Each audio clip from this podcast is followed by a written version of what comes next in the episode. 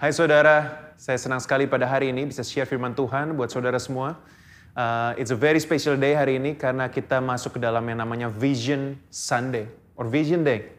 Uh, apa itu Vision Day? Vision Day adalah satu hari di mana yang di set oleh gereja dalam setahun, di mana kita bicara tentang apa tema khusus dari Tuhan buat jemaat Christ Cathedral. Kita satu komunitas besar, saudara, puji Tuhan, uh, dipercayakan domba-domba jemaat Tuhan, di mana kita as a family kita bertumbuh bersama dalam Tuhan. So, kalau tahun lalu temanya adalah beyond, di tahun ini I'd like to unveil the vision or the theme for the year which is revive. Apa itu revive? Sudah mungkin uh, sering familiar dengan kata revival, kebangunan atau kebangkitan. Maka tema di tahun ini adalah kebangkitan. Bukan hanya pemulihan saudara, tapi kebangkitan. Revive. As you can see in your screen. Nah, Tema tahun ini diambil dari Mazmur 126. Waktu tim pengembalaan berdoa tentang apa sih yang Tuhan mau kerjakan buat jemaat di tahun 2021. Jelas Tuhan katakan Mazmur 126 uh, kepada our founding pastor, Pastor Billy, and also to myself when I pray, dan juga kepada tim pengembalaan yang lainnya. Kepada setiap orang dikatakan Mazmur 126. Waktu kita baca Mazmur 126, 126 kita jadi semakin mengerti, oh ternyata ini plan Tuhan atau janji Tuhan buat gereja Tuhan di tahun ini. Ayatnya sangat bagus saudara, saya akan bacakan buat saudara-saudara bisa lihat juga di screen. Mazmur 126 mulai dari ayat yang pertama. Ketika Tuhan memulihkan keadaan Sion, keadaan kita seperti orang-orang yang bermimpi. Pada waktu itu mulut kita penuh dengan tawa dan lidah kita dengan sorak-sorai. Pada waktu itu berkatalah orang di antara bangsa-bangsa, Tuhan telah melakukan perkara besar kepada orang-orang ini. Tuhan telah melakukan perkara besar kepada kita, maka kita bersuka cita. Pulihkanlah keadaan kami ya Tuhan, seperti memulihkan batang air kering di tanah Negeb. Orang-orang yang menabur dengan mencucurkan air mata akan menuai dengan bersorak-sorai. Amin. Orang yang berjalan maju dengan menangis sambil menabur benih, pasti pulang dengan sorak-sorai sambil membawa berkas, berkasnya. Berbahagialah saudara kalau saudara menangis mungkin di tahun 2020, karena janji Tuhan buat setiap orang yang menangis, pasti pulang dengan sorak-sorai. Buat saudara yang menabur dengan mencucurkan air mata akan menuai dengan bersorak-sorai. Nah hari ini kita akan melihat bersama-sama apa maksud Tuhan tentang ayat ini. What is the meaning of revive? What is the meaning of restoration? Tema 2021 revive ini sangat cocok dengan keadaan dunia saat ini saudara. Saudara bisa lihat di screen saudara di mana semuanya in crisis. Education in crisis.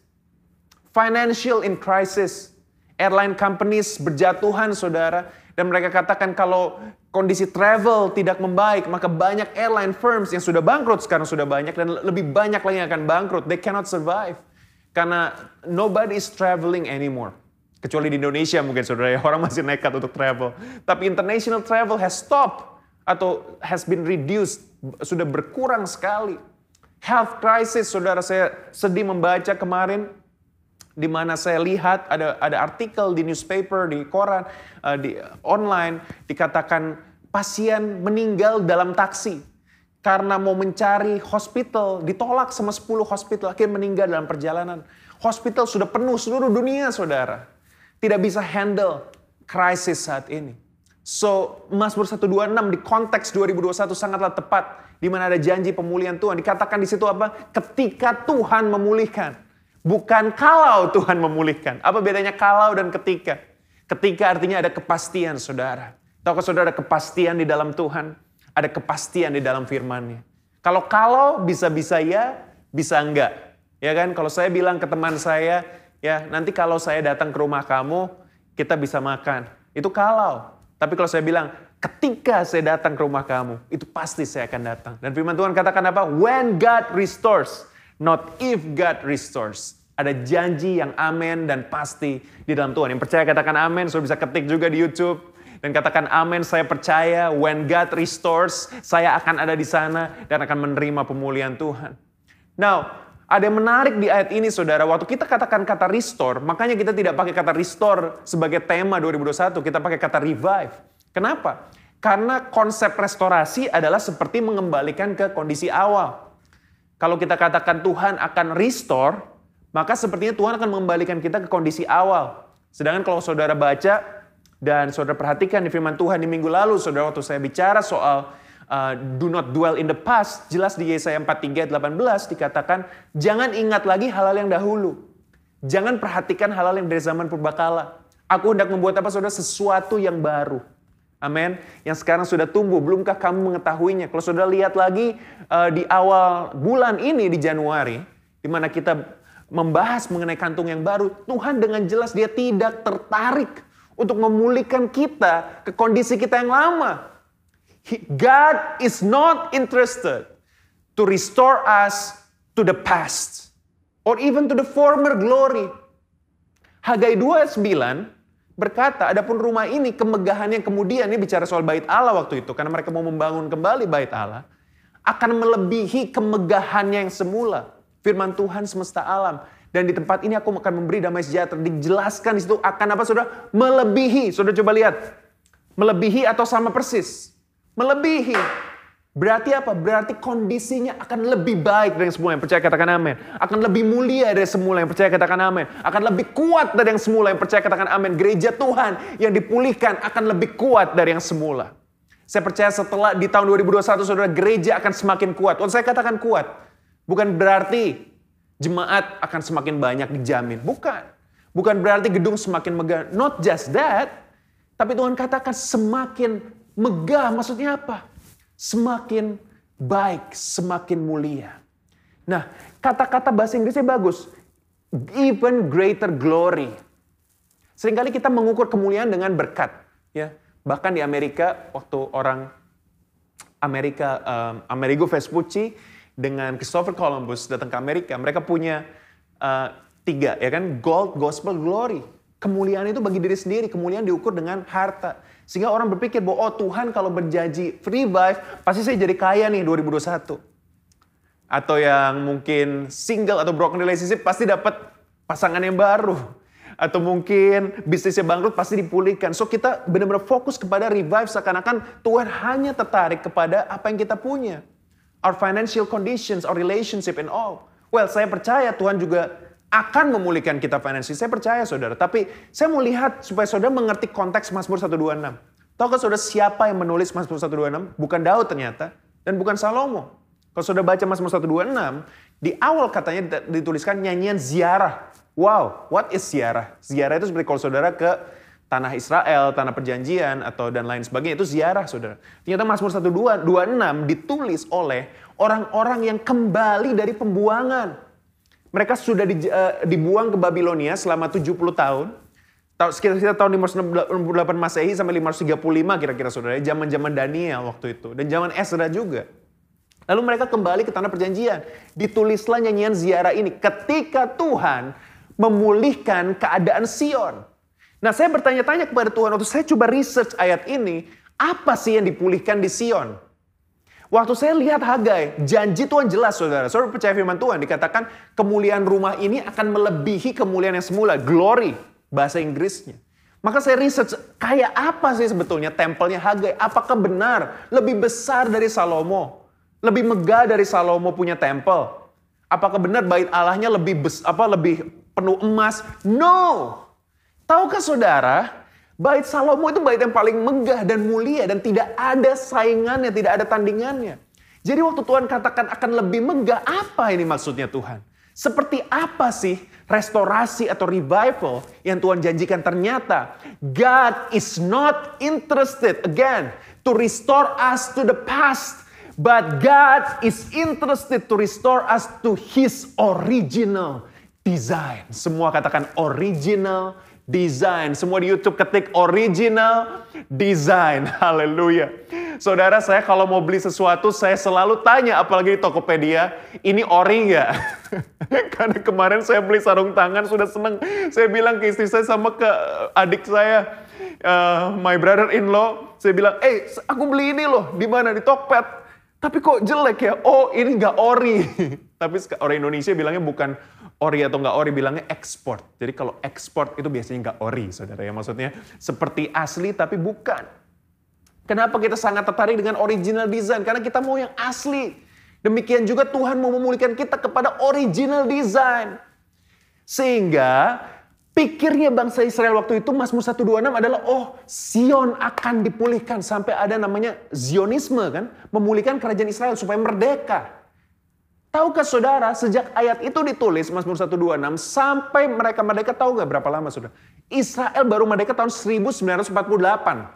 Jadi menurut saya mustahil kalau Mazmur 126 ditulis pada tahun 535 Masehi, sebelum Masehi, maka digenapi 1948 tahun setelah kemudian. Gak mungkin.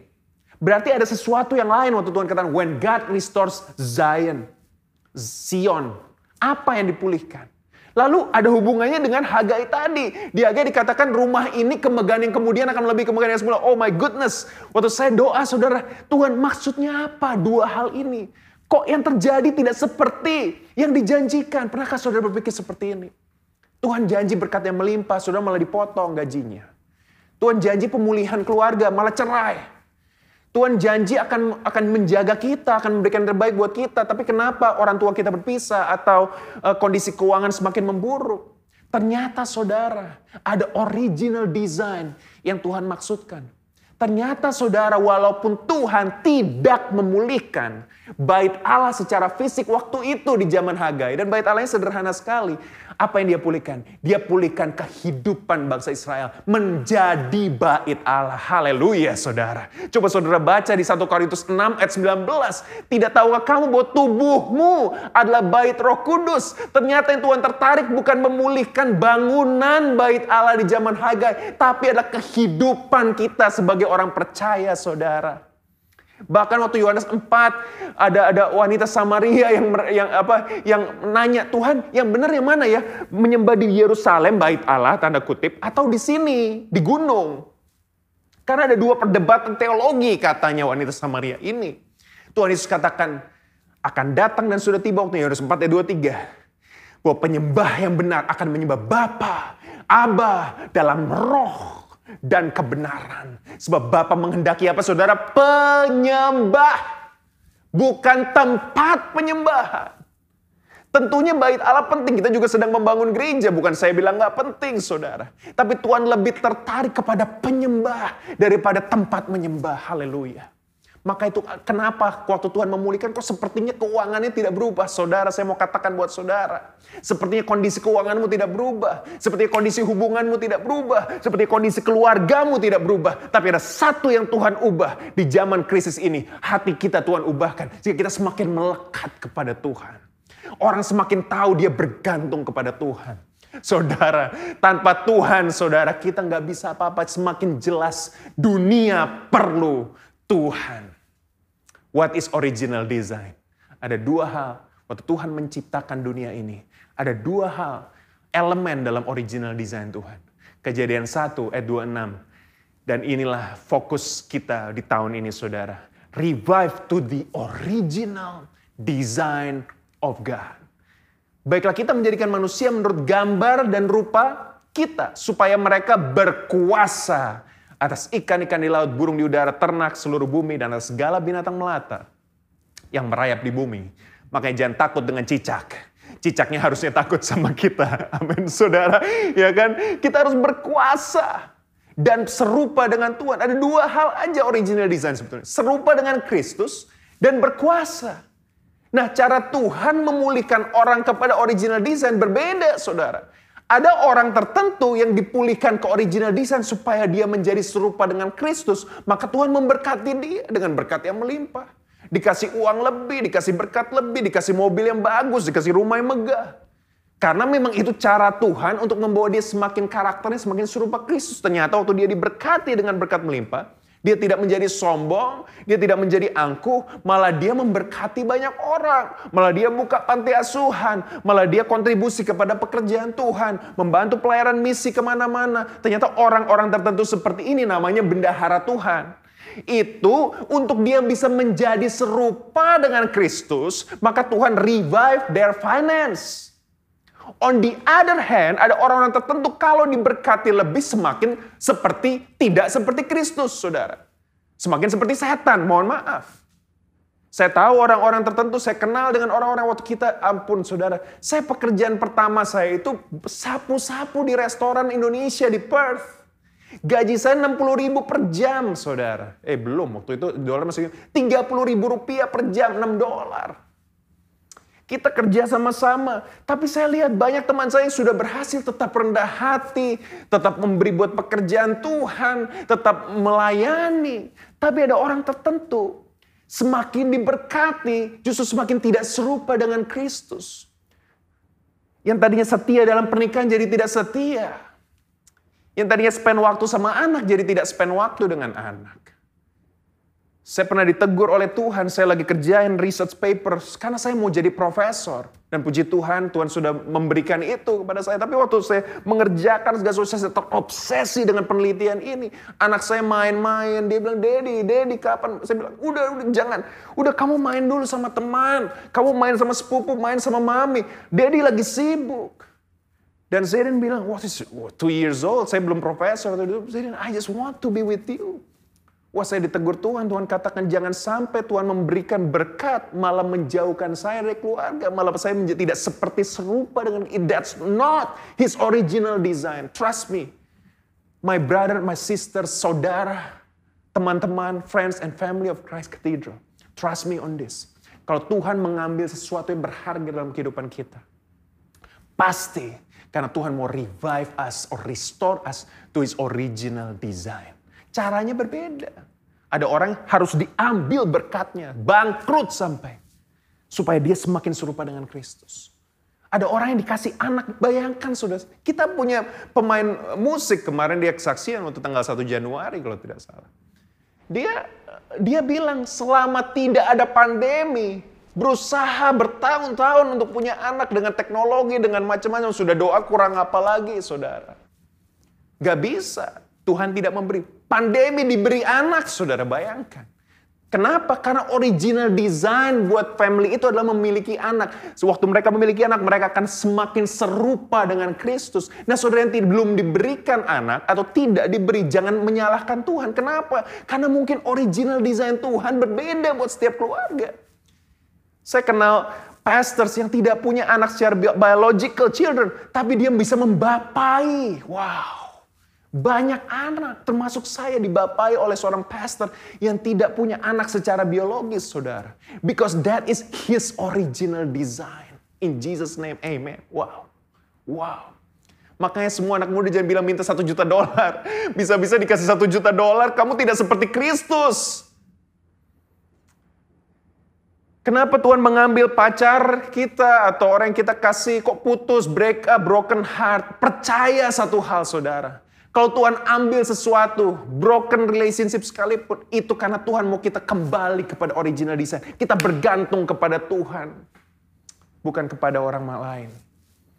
Bukan dari kasih orang lain, kita makan dari kasih orang lain. Karena aduh, perlu perhatian terus dari orang lain. But it's from Jesus. Original desainnya serupa dengan Kristus. I can talk one hour about this, saudara. Tapi tenang, waktu saya tinggal 15 menit. ya, So original design berbeda. Jadi jangan salahkan Tuhan. Apalagi kita bilang, Pastor, yang itu COVID berdoa, berdoa, berdoa dipanggil Tuhan loh. Yang ini gak berdoa sembuh. Mungkin yang dipanggil Tuhan karena Tuhan sudah kangen sama orang itu. Amin.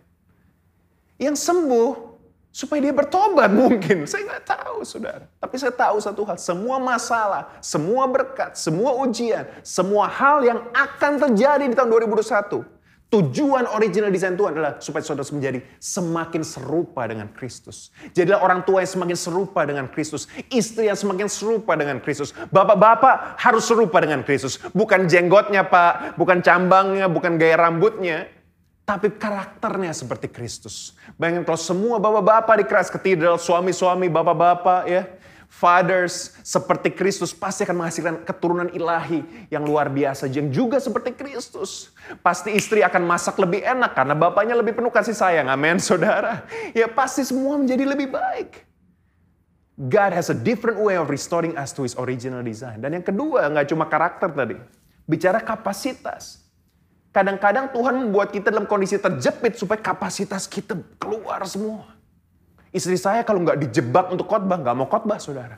Jadi kalau mau lihat istri saya khotbah harus kasih tahu dia 24 jam sebelumnya. Ya kalau enggak on the day, ya kamu khotbah sekarang, kamera sudah siap baru dia mau. Saya nggak pernah lihat istri saya khotbah sebelum pandemi. When when pandemic happen, nggak cuma dia khotbah, dia ngelit, dia memimpin tim media. My goodness, God's way of reviving us. You know what happened? Saya bicara kuasa. Kalau tadi karakter saya sudah selesai, saya bicara kuasa. Tahu sudah kisah Rasul 1 ayat 6, ini menarik sekali. Coba dibaca di screen, saudara bisa dibantu. Kisah Rasul 1 ayat 6 sampai 8, murid-murid sebelum Tuhan Yesus naik, punya pertanyaan yang sangat penting.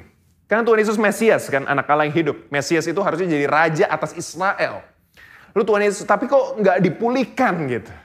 Lalu ditanya, buh, lihat ini saudara, ini kata-kata bagus sekali, kisah Rasul 1 ayat 6. Bertanyalah mereka, Tuhan maukah engkau pada masa ini restore the kingdom of Israel? right? Memulihkan kerajaan bagi Israel. Mereka punya uh, uh, otak restorasi adalah seperti sebelumnya, seperti zaman Daud, zaman Salomo, kami mau merdeka dari Roma. Jawab Tuhan Yesus, ini udah mau naik ke surga, sudah pasti jawaban yang sangat penting. Bahkan saya mau katakan ini kata-kata yang paling penting mungkin sebelum dia naik. Engkau tidak perlu mengetahui masa dan waktunya ditetapkan Bapa sendiri menurut kuasanya. Tetapi kamu akan menerima apa saudara? Kuasa kalau roh kudus turun ke atas kamu. Dan kamu akan menjadi saksiku di Yerusalem dan Yudea, Samaria sampai ke ujung bumi. Dihubungkan kepada kejadian 1 ayat 26. Berkuasalah atas bumi. Kisah Rasul 1 ayat 8 katakan kamu akan menerima kuasa ternyata. The only way kita bisa kembali kepada original design yaitu penuh dengan kuasa. Itu hanya lewat roh kudus yang percaya katakan amin. Roh Kudus membuat kita bisa kembali kepada original design. Yaitu penuh dengan kuasa. Penuh dengan kuasa. Amin. The Holy Spirit is the key that you can live full of power. Ternyata Tuhan tidak tertarik memulihkan kuasa politik Israel. Tapi apa yang terjadi? Ternyata setelah ayat ini ditulis, saudara baca kisah Rasul 2, kisah Rasul 3. Wow, di situ benar-benar walaupun kuasa secara politik tidak dipulihkan. Tapi kuasa roh kudus dinyatakan. Saudara, Tuhan tertarik mengembalikan saudara kepada apa life full of power full of kuasa, saudara. Bukan orang yang gampang sakit hati, bukan orang yang gampang patah menyerah, bukan orang yang gampang patah semangat, ditolak sekali langsung langsung depresi. Apa ke bank uh, sukacitanya ditentukan oleh tebalnya dompet atau tingginya bank account. Saudara apa interview ditolak, langsung gak berani interview lagi. Saudara penuh dengan kesedihan, penuh dengan kekesalan. Tuhan gak mau karena di kerajaan Tuhan tidak ada loser, semuanya winners. Bukan karena kita menang all the time, but even though we lost, we are still full of power. Kejadi akademia, saudara, banyak sekali paper saya juga ditolak. Tapi bedanya saya dengan orang lain, orang lain kalau ditolak dia swearing-swearing, dia maki-maki, dia salahkan temannya, dia salahkan keadaan, dia salahkan reviewers, profesor lain. Setiap kali saya mengalami penolakan dalam karir saya sebagai profesor dalam dunia akademis, saudara. Setiap kali saya mengalami penolakan, saya katakan, no, it's okay. Karena God's power is still with me. Kuasa Tuhan tetap bersama dengan saya. Itu yang saya percaya, saudara. Original design Tuhan hanya dua. Serupa dengan Kristus. Dan hidup penuh dengan kuasa. Berkuasalah. Tapi saudara nggak akan bisa sendiri.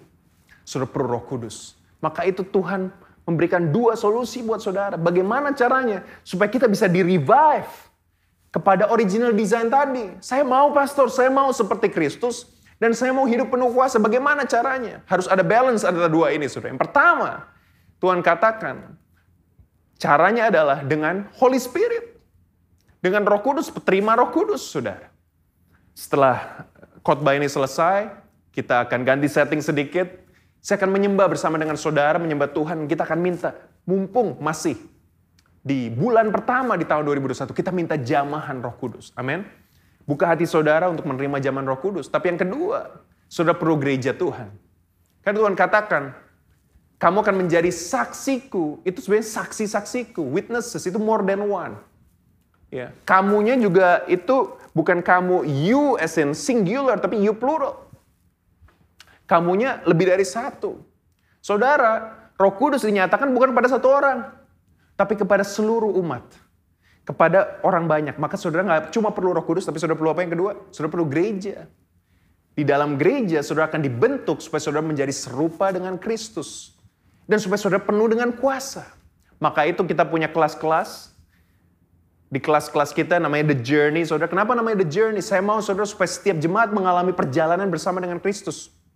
Di next steps, ya sudah bisa dibantu di screen, saudara. Di next steps, saudara akan belajar siapa itu Tuhan. Bagaimana saya bisa connect dengan Tuhan. Bagaimana saya bisa tertanam dalam gereja lokal. Mohon maaf saudara, kalau di Christ Cathedral kita nggak pakai sistem ya mau jadi jemaat, isi form, tanda tangan, jadi jemaat. No. Kalau saudara mau menjadi jemaat tertanam di gereja lokal, di Christ Cathedral, saudara perlu ikut next steps. Kenapa? Next steps akan mengajarkan saudara tentang komitmen pada gereja lokal.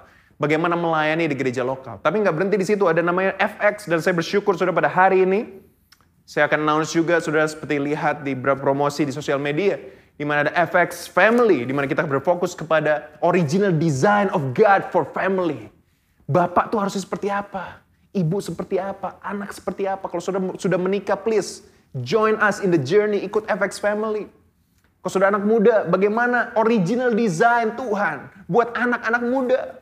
Seperti anak panah di tangan pahlawan, sudah penuh dengan kuasa. Dan gak berhenti di situ. Di empowering class sudah akan belajar tentang how to pray. Gimana berdoa yang penuh kuasa. Gimana berdoa seperti Kristus. Dan bagaimana mengerti firman Tuhan. Semua program The Journey ini bertujuan hanya satu saudara. The journey will lead you back to the original design of God. Serupa dengan Kristus dan penuh dengan kuasa. Saya nggak bilang kalau sudah sudah selesai semua kelasnya sudah jadi sempurna. Tidak ada kita yang sempurna. Tapi ikuti prosesnya. Karena firman Tuhan katakan, mereka yang tertanam di rumah Tuhan akan bertunas, akan berkembang. Saya percaya saudara, kalau saudara tertanam di rumah Tuhan, saudara akan berkembang, saudara akan bertunas, saudara tidak akan sama lagi. So please join the journey karena kita akan mulai dalam waktu dua minggu, saudara. Saudara bisa scan the QR code. Jangan mikir-mikir lagi, saudara. Just just type your details.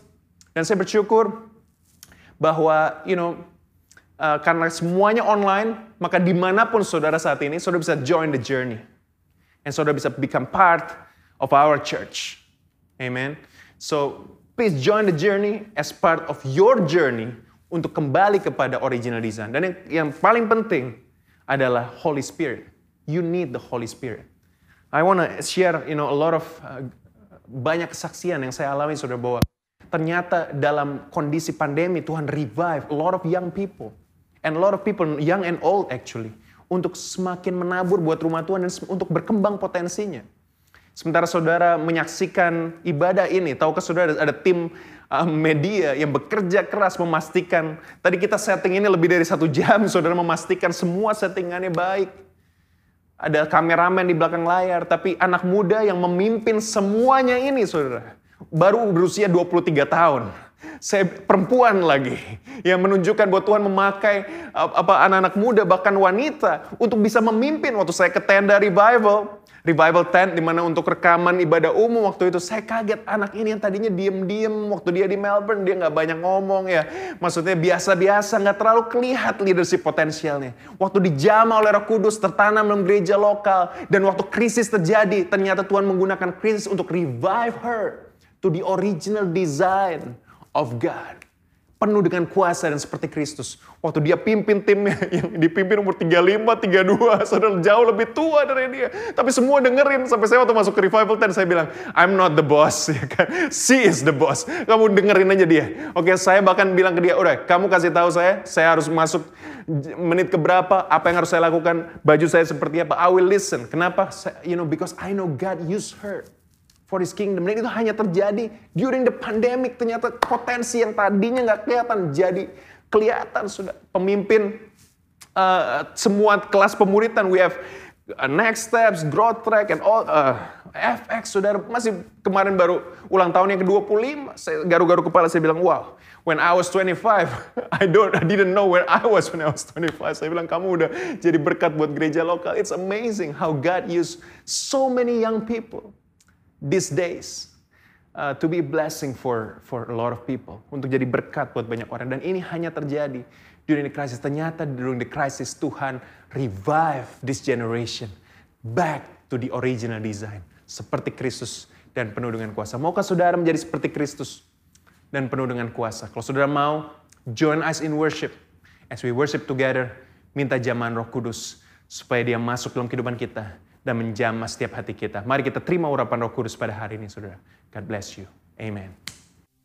Saudara hari ini kita akan menyembah Tuhan bersama-sama. Saya minta saudara buka hatimu buat jamahan Tuhan. Roh Kudus ada di sini. Roh Kudus ada di setiap rumah saudara. Di mana pun saudara saat ini, buka hatimu buat Tuhan. Untuk kita nyanyikan pujian ini saudara. Rasakan kuasa Tuhan mengalir dalam hidupmu. Come on. Thank you Jesus. Thank you Jesus. Rohmu yang hidup penuhiku mengalir dalamku Amin. jiwaku tenang bersamamu dalam naunganmu Katakan ku buka hati. Ku buka hati untuk jamahanmu Ku serah penuh di hadirat Mari ambil alih seluruh hidup kami saat ini Tuhan. ambil alih Amin. seluruh hidupku di altarmu menyembahmu Katakan rohmu yang kudus. Yang kudus pulihkanku Engkaulah damaiku Kami hidup hanya oleh anugerahmu Tuhan.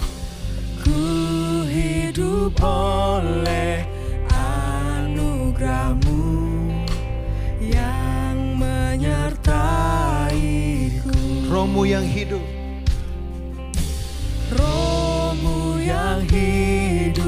Penuhi kami Tuhan. Datang urapi kami. Mari saudara.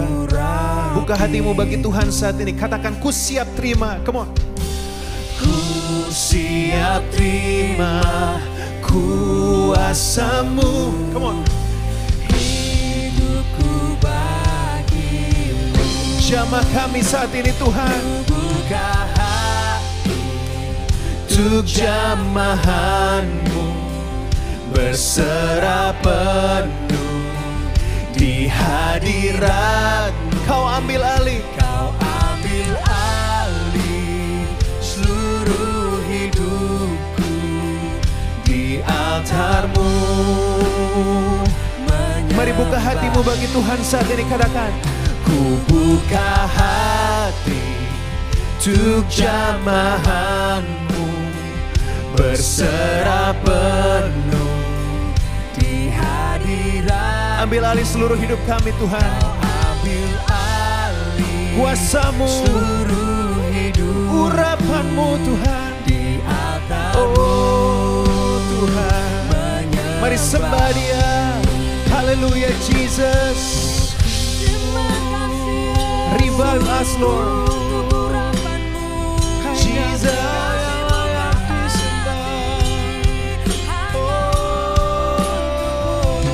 Buka hati kami bagimu Tuhan.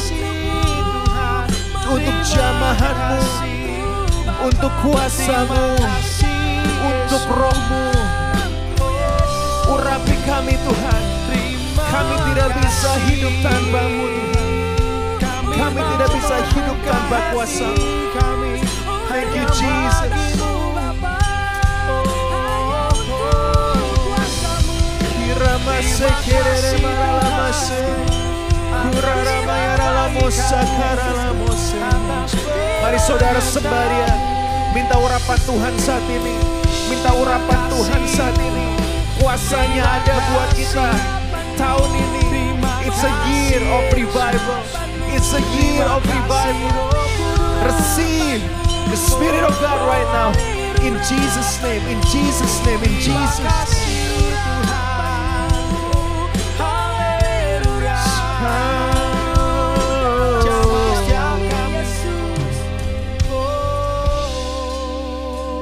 Kadang saudara yang belum pernah menerima Tuhan Yesus sebagai Tuhan dan Juru Selamat dalam hidupmu, kalau itu engkau, gunakan kesempatan ini saudara, untuk menerima dia sebagai Tuhan dan Juru Selamat dalam hidupmu. Dia akan mengembalikan engkau ke original design, menjadi serupa dengan Kristus dan penuh dengan kuasa. Mari terima Tuhan Yesus saat ini ucapkan doa ini bersama dengan saya. Tuhan Yesus, hari ini aku menerima Engkau sebagai Tuhan dan Juru Selamat dalam hidupku. Jadi Raja atas hidupku Tuhan. Hidupku tidak akan sama lagi karena Tuhan Yesus ada dalamku. Selamanya kau Tuhanku, selamanya kau Rajaku. Di dalam nama Tuhan Yesus berdoa. Amin. Kalau sudah sudah berdoa doa yang kita ucap bersama tadi, bersama tadi selamat datang di keluarga Tuhan. Kita tidak berhenti di sini saudara. Kita akan terima zaman Tuhan saat ini, terima urapan Tuhan. Remember, His original design is for you to be like Him, serupa dengan Kristus dan penuh dengan kuasa, penuh dengan kuasa.